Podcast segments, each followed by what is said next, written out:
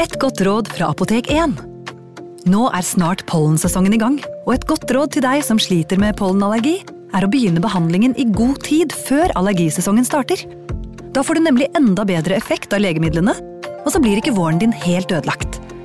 Kom innom og få råd på ditt nærmeste Apotek 1, eller chat med oss på apotek1.no. Apotek 1 vår kunnskap, din trygghet.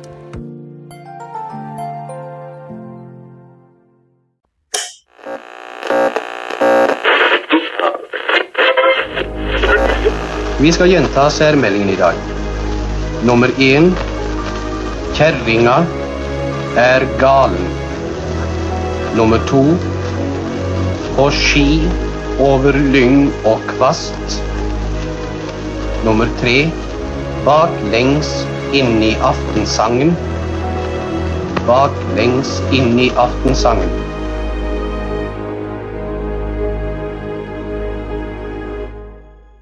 Du har vært eh, i Hjemmefrontmuseet, bare 100 meter fra der vi sitter og spiller inn dette på Akershus festning, Eirik Veum. Og inni det sperrede arkivet, Ja. som ingen nesten har fått lov, til å være med i, gå inn i før. Nei, det er ikke så mange. Nei, det er jo det som Gunnar Sønsteby også sa at de aldri og, Ja, De ville jo helst ikke at man skulle inn der, eller at noen utenforstående skulle inn i det arkivet. Og han var jo ikke alene om det. Det var jo flere som mente at det eh, burde låses bort og glemmes. Noen var jo faktisk sånn at de helst ville brenne opp hele arkivet, Ja. slik at disse historiene vi nå har snakket om her, aldri skulle bli kjent. Mm. Og I alle fall ikke hvem som eh, utførte utførte likvidasjonene. Så, eh, men det ble, ikke, det ble ikke slik. Både eh, Hjemmefrontsmuseets ledelse og en del andre stoppet jo det. Også tidligere topper i Milorg, så derfor sitter vi her og snakker om det nå. Du fant der ja, mange ting, men en av de notatene du fant, og som er på en måte utgangspunktet for denne episoden, er en veldig kortfattet liten notis. Ja, den var, den, den var det spesielt å se. Der står det tre ord. Skutt søndag aften. Og det står på en bitte liten eh, lapp. Håndskrevet, eh, tipper jeg. Ja, og den eh, lå inne da i eh, mappe da til, til en, en, en person som, som da gir seg frem til kvelden da, eh, søndag den 24. september 1944, eh, var lensmann i eh, Sem utenfor Tønsberg, og han het Georg Mathiassen Jare Stange, og var 39 år. Ja, og lensmann i Sem, ja. han eh, hadde vært underoffiser i norske hæren da, eller? Det hadde han vært. Kom opprinnelig fra Ramnes, og ble altså da skutt og, eller likvidert, da, rett uh, utenfor huset sitt, som, som lå i Kjelle uh, nær Tønsberg, og det var da altså om uh, eller denne søndag, det var, det var en søndagskveld, da. Så der hadde man i og for seg fra Middelhags side bestemt seg for at nok en norsk polititjenestemann, som da var i tjeneste for okkupasjonsregimet, men også jobbet tett med det tyske sikkerhetspolitiet, var da ryddet av veien. Og eh, her uh, tok man ingen hensyn til uh, noe familie eller noe sånt. Og, kona til uh, lensmann Stange hun var hjemme uh, inne i huset da han ble drept like utafor. Hun ringte 2059 til politiet Nettopp. Det, ja, det stemmer. 2059. eh, og sa at hennes mann var skutt. da. Ja, altså den, i journalen der, i vaktjournalen, så står det Fru lensmann Stange, Sem, ringte og meldte at hennes mann nettopp nu var skutt, rett utenfor deres bopel. Politimesteren straks eh, varslet. Og um, inne i huset var også da en gutt som het Finotto, som var da sønnen da til, til lensmann Stange og kona hans. Dette var bare tre dager, altså etter forrige, altså Fiane ble skutt på en torsdag, dette var søndagen etter. Ja, så nå er de tett, og vi var jo da tre dager før der igjen, så i løpet av en uke nå så øh, blir det altså likvidert tre personer, altså to polititjenestemenn og en telegrafbestyrer, eller trafikksjef var han vel. Og hvorfor var lensmann Stange blitt en farlig mann for motstandsbevegelsen? Nei, altså han var, han var, som jeg nevnte, ganske tett inne i øh, tjeneste for det tyske sikkerhetspolitiet. Hadde, hadde vært en, øh, som han ble beskrevet av rapportene, en god og lojal samarbeidspartner for det tyske sikkerhetspolitiets mannskaper i Vestfold over lengre tid.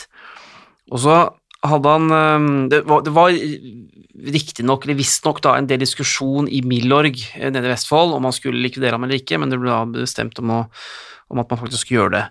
Og så, for i tillegg da, til å være en sånn eh, ja, en, en god kontakt og, og samarbeidspartner og, og, samarbeidslensmann for, eh, for Gestapo, så var han også veldig ivrig i tjenesten, og det har vi hørt om tidligere, at når man, når man begynner å utmerke seg ved å jobbe mot motstandsbevegelsen, så risikerte man jo at man havnet på en, en likvidasjonsliste og da ble ryddet av veien. Og det Lensmann Stange utmerket seg ved, var å være veldig ivrig da, i søket etter unge menn som hadde gjemt seg da i, i skogene nede i Vestfold for å unngå uh, tvangsinnkalling til denne arbeidstjenesten vi var innom for eh, noen episoder siden, og, og deretter da eventuell overføring til, eh, til tysk krigstjeneste eller tjeneste i Waffen-SS. Det var det generelle, men han hadde også en spesifikk historie som også pekte ham litt ut, da. Ja, han eh, hadde gjort noe som i og for seg ikke var så eh, ofte at man greide, men, men gjennom, eh, gjennom eh, 1944 så hadde det tyske sikkerhetspolitiet greid å verve en informant Ja. som hadde vært en del av, eh, av eh, motstandsbevegelsen, eh, altså eller del av motstandsarbeidet i Tønsberg, Larvik og Sandefjord. Og han ble arrestert høsten 1944 43. ja, unnskyld, 1943, og så hadde han latt seg overtale i disse avhørene til å gå i, eh, i uh, tysk tjeneste. Og, og, um, Og bli dobbeltagent, da. Nettopp. Og det betyr at uh, når han da slapp ut igjen, så hadde Gestapo hatt denne informanten da på innsiden av Milorg i Vestfold. Og den som hadde vært veldig sentral i, um, i, i det arbeidet med å, med å rekruttere denne, denne dobbeltagenten da, og, og vende ham i og for seg mot sine egne, det var nettopp lensmannen i SEM da, eh, Georg Mathias Jare Stange, som hadde fungert som en kontakt mellom denne informanten da, også, og, og da det tyske sikkerhetspolitiet, altså Gestapo Larvik. Og, Alf Olav Aker het han eh, Nettopp. unge mannen. Han var bare 17 år da han ble med Milorg, så han var en veldig ung eh, gutt, da. Han var en veldig ung gutt, en gårdbrukersønn. Hadde blitt med da høsten 43 i, eh, i, i Milorg. Fra Sem utafor utenfor Tønsberg. Nettopp, samme sted som, eh, som lensmannen. Han var telegrafist og hadde egentlig ganske god peiling på sånn radioapparater og litt sånn teknikk og sånn, så Men, altså, telegrafist han var tidlig ute i arbeidslivet, da. I og med at han var 17 år. Han hadde gått på skole, da. sikkert ja, han, ja, og han kunne jo også i og for seg være selvlært eller, eller opplært, men ble iallfall kalt tele, telegrafist. Han kunne liksom morse og så videre. Ja, og, ja, så hadde han vært med på å spre nyheter, Mm. uh, og i og for seg vært en del av Milorg, eller motstandsmiljøet da i Vestfold, siden uh, ja, sensommeren 41. Men, uh, men Og holdt på da en god stund, og så utpå høsten da, i 43, så, så går da lensmann Stange til det tyske sikkerhetspolitiet i Larvik og forteller da om denne, denne Alf Olaf Aker, som han da mener de kanskje kan få noe ut av, og så blir han arrestert. Og så blir han i og for seg raskt overtalt da, til å gå inn i, i tysk tjeneste og blir da en angiver. Fortsette å late som han er med Milorg, men Ja. rapportere videre Ja. til tyskerne og til norske statspolitiet, eller de som samarbeidet med tyskerne. Ja. Og det som de tyske offiserene da i og for seg gir uttrykk for, det er at det er egentlig ikke så veldig vanskelig å overtale han Aker. Det, er det er ikke så mye eh, det, er ikke så mye de, de, Det er ikke noe bank og slag og tortur og greier. Altså, han han eh, sitter i disse avhørene og sier at han egentlig har mest lyst til å bli politi. Ja.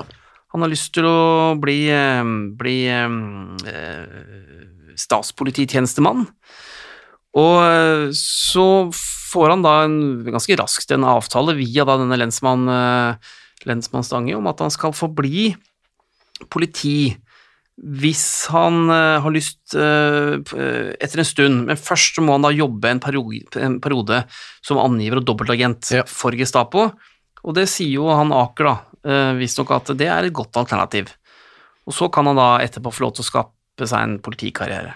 Han får kallenavn, kodenavn, Frikk. Frikk, ja, og ja, finner to litt ulike skrivemåter i rapportene, både Frikk med CK og med, med dobbelt K, men, men han blir åpenbart en god kilde for, for Gestapo i Larvik, og, og leverer eh, godt materiale, og så er han en ganske ung gutt.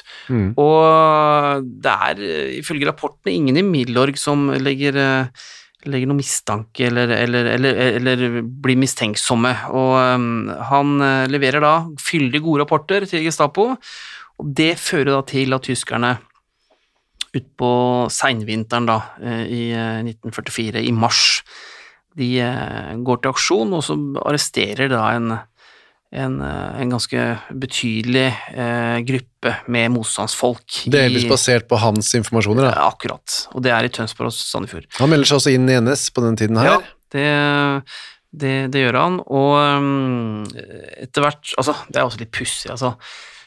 Han melder seg inn i NS, og det blir da egentlig ganske godt kjent, da, i, både i familien og også i lokalmiljøet, at han har vært en dobbeltagent. Ja, så da blir det kjent, det, at han Ja. har vært det. Ja, og um, um, fra lokalmiljøet hans så det jo, kommer jo knallharde reaksjoner, selvfølgelig. Altså, Ja. det, dette var jo kanskje noen av de mest hata. Altså de som, som svikta sine egne fra innsiden og førte til Altså, det, arrestasjoner, altså det var jo forræderi på Ja. av verste sort, nærmest. Så han, han blir jo um, nærmest isolert i lokalmiljøet, og, og kommer også i kjempekonflikt med foreldrene sine.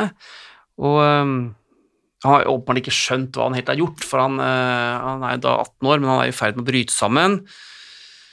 Får store psykiske problemer, og um, ved Gestapo da i Larvik så blir det bestemt at han skal, eh, skal overføres til Oslo, hvor han skal gå i tjeneste for, for Abteilung 3, altså ved det tyske sikkerhetspolitiet, altså den såkalte sikkerhetstjenesten, eller altså Sicherheitsdienst, SD, bedre kjent som.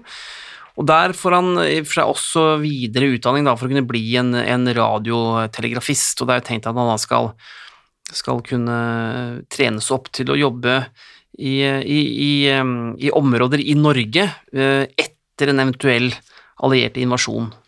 Så Ja, Så han får en ny karriere, eller ja, fortsetter han som har tiltenkt en ny, ny karriere. Og så er det også sånn at eh, og det blir også kjent etter hvert, da, mange av de som blir arrestert på grunn av angiveriene hans i, eh, i Tønsberg og Sandefjord, de ble utsatt for eh, mishandling og tortur. Og to ble også faktisk dømt til døden og henrettet i, eh, i Trandumskogen skogen, i mai 1944. Leif Dahl og Reidar Olsen. Ja, og ja, Olsen, Olsen Steen.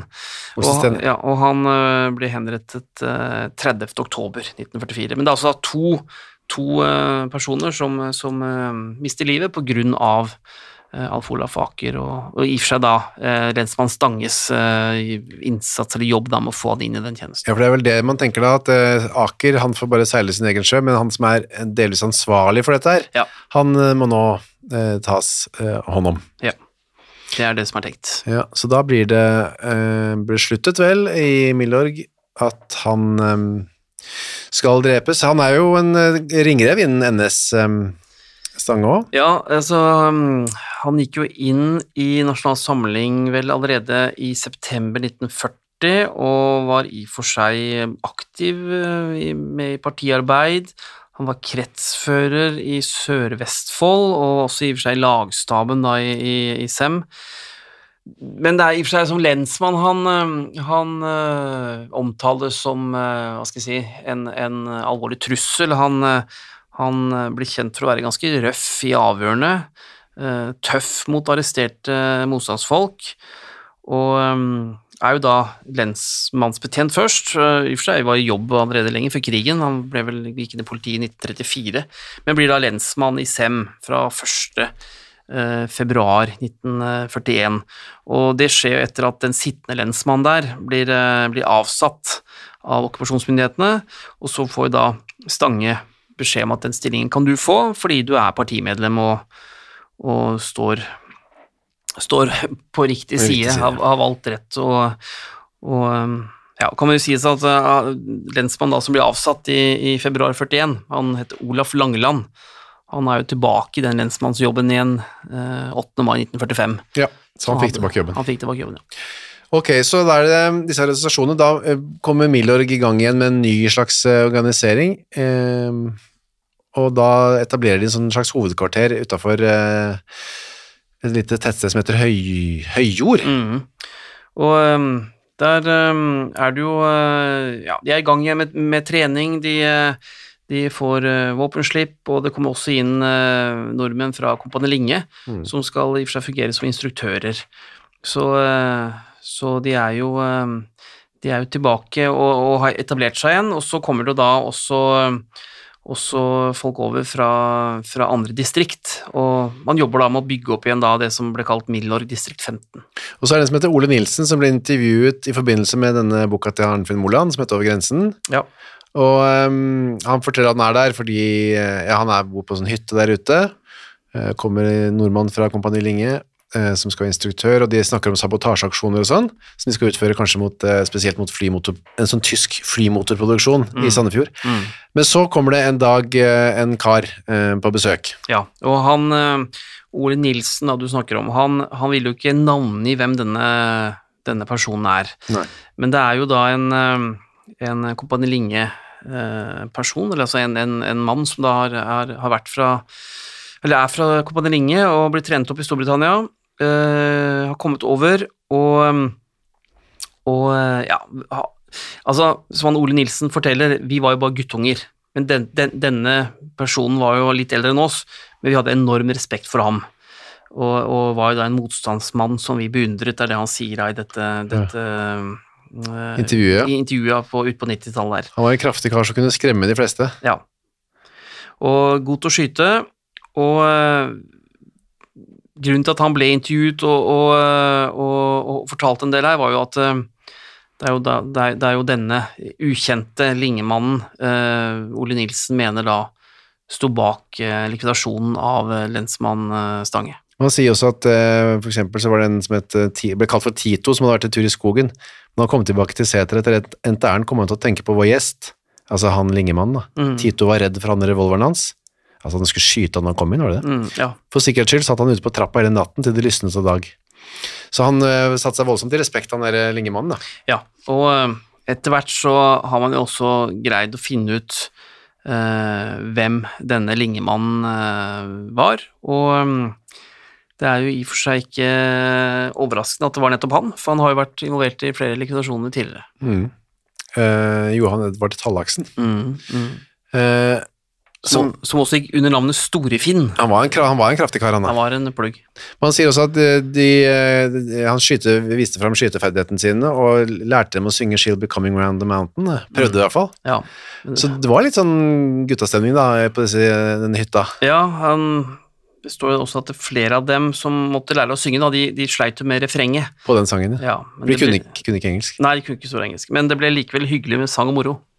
Ja, så er det da Tallaksen, som han vi nå, eh, eller som du nå sier er eh, på en måte Mm. bekreftet er han da, eller i hvert fall det er veldig mye som tyder på at det er han. Ja. Så han kommer på besøk for andre gang 22. september 1944. Eh, Da kom det et flydropp, og så ble han borte. Mm, mm. Og eh, Tallaksen blir borte, ja, og det er, det er jo trolig den kvelden her da, at han, eh, han eh, likviderer eh, lensmann, eh, altså lensmann Stange. Mm. Og um, det han Ole Nilsen husker da, eh, fra den kvelden her, er at Tallaksen kommer tilbake igjen, og da er han veldig mer, mye mer anspent og nervøs enn det han pleide å være. Og Ole Nilsen fortalte det at eh, da han kom tilbake, var han litt ute av balanse. Han lå på køya og kjederøkte hele dagen. Vi andre som var til stede på setra og hadde fri, slo som vanlig i hjel tiden med å spille kort. Det gikk som regel på vri åtter, vi spøkte og lo og hadde det moro. Kortspillet førte som regel litt støy med seg. Dette tålte tydeligvis ikke vår gjest. Nervene hans var nok litt i ulage. Plutselig eksploderte han, trakk revolveren og skjøt askebegeret ned av bordet vi satt og spilte kort ved. Da ble det stille, slik han ønsket. Dette skjedde dagen etter at Georg Stange var skutt ned utenfor sitt hjem på Kjelle. Da mannen kom tilbake på morgenen, spurte han om vi hadde hørt noe, og det hadde vi ikke. Hørt noe om rekvidasjonen, eller om noe Ja, som helst? Det, det må, eller om no- noe som helst, Ja. men, eh, Det hadde de ikke, men det tydet jo på at eh, han hadde gjort et eller annet. Mm. Som han lurte på om de hadde fått det med seg. Nettopp. Men det er jo skytende askebeger, hører jeg. Altså, det høres jo litt Det må ha vært spesielt Ja. å, å sitte og De var nok under et vanvittig press og stress og uh, alt som hørte med, og uh, Han Ole Nilsen ble jo altså han, Hans historie var det ikke noen grunn, å, grunn til å, å tvile på. Uh, så um, Nei. Så, så dro eh, denne hemmelige, eller den uidentifiserte i Nilsens forklaring, agenten vekk Mm. etter dette, etter den likvidasjonen, og så ble han, kom aldri tilbake. Nei, han, øh, han kom aldri tilbake. Eh, Han, øh, han dro jo sammen med Altså, han dro videre og var jo involvert i flere likvidasjoner etter denne, Ja, men ikke sammen med dem. da. men ikke sammen med dem. Og de så han aldri igjen. Han øh, var jo da blant annet sammen med Gregersgram, og blant annet han gjorde flere ting, sabotasjeoppdrag. Han var jo en del av denne Mm. harde kjernen, på en måte, i Oslo, øh, blant liksom de vi har, man kjenner fra Ja. historien. Da. Det, det var han. Og så har det også vært en del diskusjon om dette med, med, eh, om, om denne lensmannen Stange, om det var en, eh, en nødvendig, eh, nødvendig likvidasjon. Og, og eh, her har man jo også diskutert dette her blant uh, de som var involvert på en eller annen, uh, en eller annen måte. Og, og det er også de som har ment at, at, han, at han ikke hadde i og for seg vært så tungt involvert i, eh, i, i arbeidet da, med å, å verve inn denne, denne unggutten til, eh, til, til dobbeltagent. Men så var det også dem som, som var veldig tydelige på at han var, han var farlig, og at han, han, fortjente å bli likvidert. Og det var i og for seg den eneste måten å gjøre motstandsvirksomheten, motstandsarbeidet i Vestfold, eller i denne delen av landet, da, forholdsvis trygt. Og, og det var, som en sa her, det var ikke unaturlig at det ble bestemt at han skulle likvideres. Ja, Som heter uh, um, Anker Martinsen. Anker Martinsen, ja. Mm. Som var tidligere sambandssjef på familielag på Tjøme og Nøtterøy. Ja. Ja.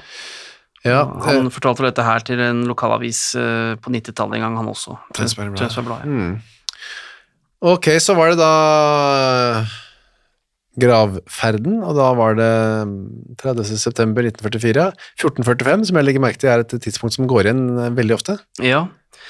Kvart på tre på ettermiddagen. Um, vi kan bare si før vi snakker litt om den, at det, at det kom jo opp også påstander om denne likvidasjonen i denne avisen, da, Folk og Land, Ja. jeg snakka om uh, gjennom 70-tallet. Og, um, og eh, der ble det pekt på at det var en, en, en kommunistisk gruppe, litt ute av kontroll, som hadde da stått bak likvidasjonen av, eh, av, eh, av Stange, men eh, også det ble da, ble da tilbakevist. Så også de, denne likvidasjonen var det noe oppmerksomhet rundt gjennom 70-tallet, da, men riktignok da i, i avisen for tidligere, tidligere NS-medlemmer. Folk og land, ja. Folk og land. Uh, januar 71. Hvor lenge, vet du det? Hvor lenge den avisen ble gitt ut? For det var ganske lenge etter krigen den ble Ja, den holdt på lenge. Jeg har ikke helt uh, nøyaktig eh, årstall for når den gikk inn, men uh, den går det an å søke opp og, og lese. og Det er, um, hvor, hvor, hvor finner man det? det er også Nasjonalbiblioteket, for eksempel. Mye av det er lagt ut digitalt. Ja, så kan søke og, ja. og det er, det er in- altså det er interessant. Jeg har, jeg har brukt den en del når jeg skal finne øh, historier om disse likviderte, som, sånn som her, da, hvor man, hvor man hadde en form for en, en, en debatt, og, og nye påstander kom frem nettopp i disse publikasjonene. Men det er interessant å se øh, engasjementet de da fortsatt hadde, altså Ja. uh, ja, 20-30-40 år etterpå. Uh, nå er det borte, men, eh, men uh, dette miljøet fikk jo på et vis leve videre. Ja, I en del andre land så hadde det nærmest vært utenkelig, men i Norge så, så fikk det jo det under kontrollerte former, da. ja. Jeg må jo si at norske myndigheter fulgte nok godt med, og mange av disse her gjorde ikke noe annet enn å skrive på skrivemaskin og mene ting uh, i den avisen. Men uh, likevel interessant at det fikk lov å måte eksistere videre, da. ja, for det er det som er litt sånn nesten rart å tenke seg at de skulle For de var vel under fullt navn, og det var ikke noen sånn hemmelig Nei, avis? nei nei, og det var jo en avis med, med ja, en redaksjon og en redaktør og, Ja. og telefonnummer inn og annonser og, og det hele, men, men selvfølgelig da veldig, kall det gjennomsyret da av gammel NS-propaganda Ja. i en litt ny form eller litt andre ord, men, men eh, alt handlet jo da om å si at eh, vi tok ikke feil, det var vi som handlet rett. ja, de holdt på det til det De siste. holdt på det til det siste. Ja, mange som gjorde det. Ja. Ok, så da var det altså bekreftet på en måte nå da, at eh, det var Emilio som sto bak denne ja. likvidasjonen også. Og så er det gravferden på lørdag 30. september, kvart på tre, um, i krematoriet. Mm. Nå var det en prost som Ja, og ja, samme tingene her, at man kjørte på det her med at man ikke skulle Frykt ikke for dem som slår legemet i hjel og deretter ikke kan gjøre mer. men Jeg vil vise hvem eller hvem I skal frykte for. Frykt for ham som har makt, både til å slå i hjel og deretter kast i helvete. Jeg sier eder, for ham skal de frykte. Så det handlet jo litt om at man eh, Ja, man, man pekte jo eh, si det, det eneste som kunne straffe uh, de involverte her, da, det, det, var, det, var, det var en gud. Altså, man skulle ikke frykte motstandsbevegelsen. Nei. Eh, Det var nok en flere, flere og flere politifolk eh, som eh, gjorde med god grunn, har vi sett. Ja, det, og det skal vi se også. Um, Begravelsen var også litt spesiell, for at det her um, litt, Tidligere så så vi at det kom jo uh, ministre, mm. topper fra Nasjonal Samling, fra politiet og fra overalt. Her Det var ikke lenger inn til Tønsberg, men her er det kun lokale ledere fra Nasjonal Samling som møter opp. Eh, Det var riktignok utsendinger fra Politidepartementet, men, eh, og i og for seg også Justisdepartementet, men verken politiminister Jonas Lie eller justisminister Sverre Risnes er der. Og så kommer det riktignok en krans da fra ministerpresident Vidkun Quisling, men, men, men ingen, av, ingen, ingen av toppene kommer. Så det viser også nå at nå begynner det å bli en ganske sånn, sånn god slitasje. Og, og de hadde nok av De hadde jo akkurat vært i en annen begravelse, ja, det hadde de i og for seg også noen dager før. Ja, så de hadde vel ikke tid da til dette. Og så kan vi si at det er i og for seg svigerfaren da, til, eh, til Georg Mathiassen Jare Stange som, eh, som tar over, han heter Carl Hagen. Og han tar over da dette lensmannsembetet uh, i Sem. Carl Hagen, ja, det er fristende å ha han i der, men det er han. Det er ikke han. Nei, det er ikke han. Og han sitter der da frem til eh, ja, 7. mai, da, 1945. Ja, og da var det slutt på den Ja. jobben for han òg. Da var det slutt på den jobben for han. Eh, og det jeg uh, lurer på, men det vet jo kanskje ikke du, da, men eh, det hadde vært interessant å vite hvordan det gikk med han unge Alf Aker, som ble rekruttert til å være dobbeltagent for uh, tyskerne. Ja, og han har vært borti en av de andre bøkene mine, og jeg, jeg husker ikke akkurat nå hans skjebne, men Det er jo en spennende historie en så spennende langt, i hvert fall. Og, um, og uh, viser jo også at uh, i en krig så er uh, noen valg man tar, de blir skjebnesvangre. Mm. For han ble det jo det. Å være 17-18 år og bli satt i en sånn skvis, det er jo Ja. Man kan håpe at man hadde gjort uh, det riktige, men det, det kan være litt vanskelig å vite. Nei, for han ble jo livet aldri det samme igjen. Etter at han valgte å bli angiver og ja, forråde sine, sine venner og sine kampfeller i, i motstandsbevegelsen. Det blir spennende å finne ut hvordan det endte for han. Det har jeg tenkt å gjøre. Har du det? Jeg skal finne det. Så bra, da. Da kan vi ta det ved en senere anledning. Det kan vi. Men eh, neste uke allerede er det tilbake igjen eh, til en kollega av eh, Georg Stange. Da er det nok en polititjenestemann som blir skutt ned foran huset sitt. Ja, det ble et mønster, det. Men vi er tilbake igjen da. Hei så lenge. Det er vi.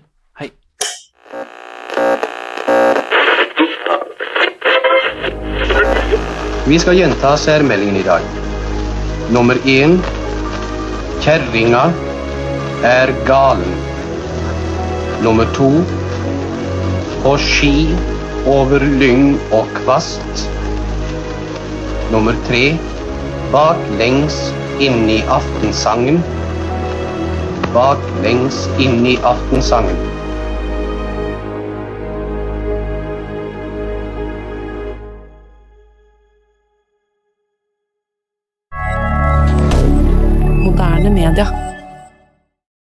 Har du et enkeltpersonforetak eller en liten bedrift? Da er du sikkert lei av å høre meg snakke om hvor enkelt det er med kvitteringer og bilag i fiken, så vi eh, gir oss her, vi. Fordi vi liker enkelt. Fiken superenkelt regnskap.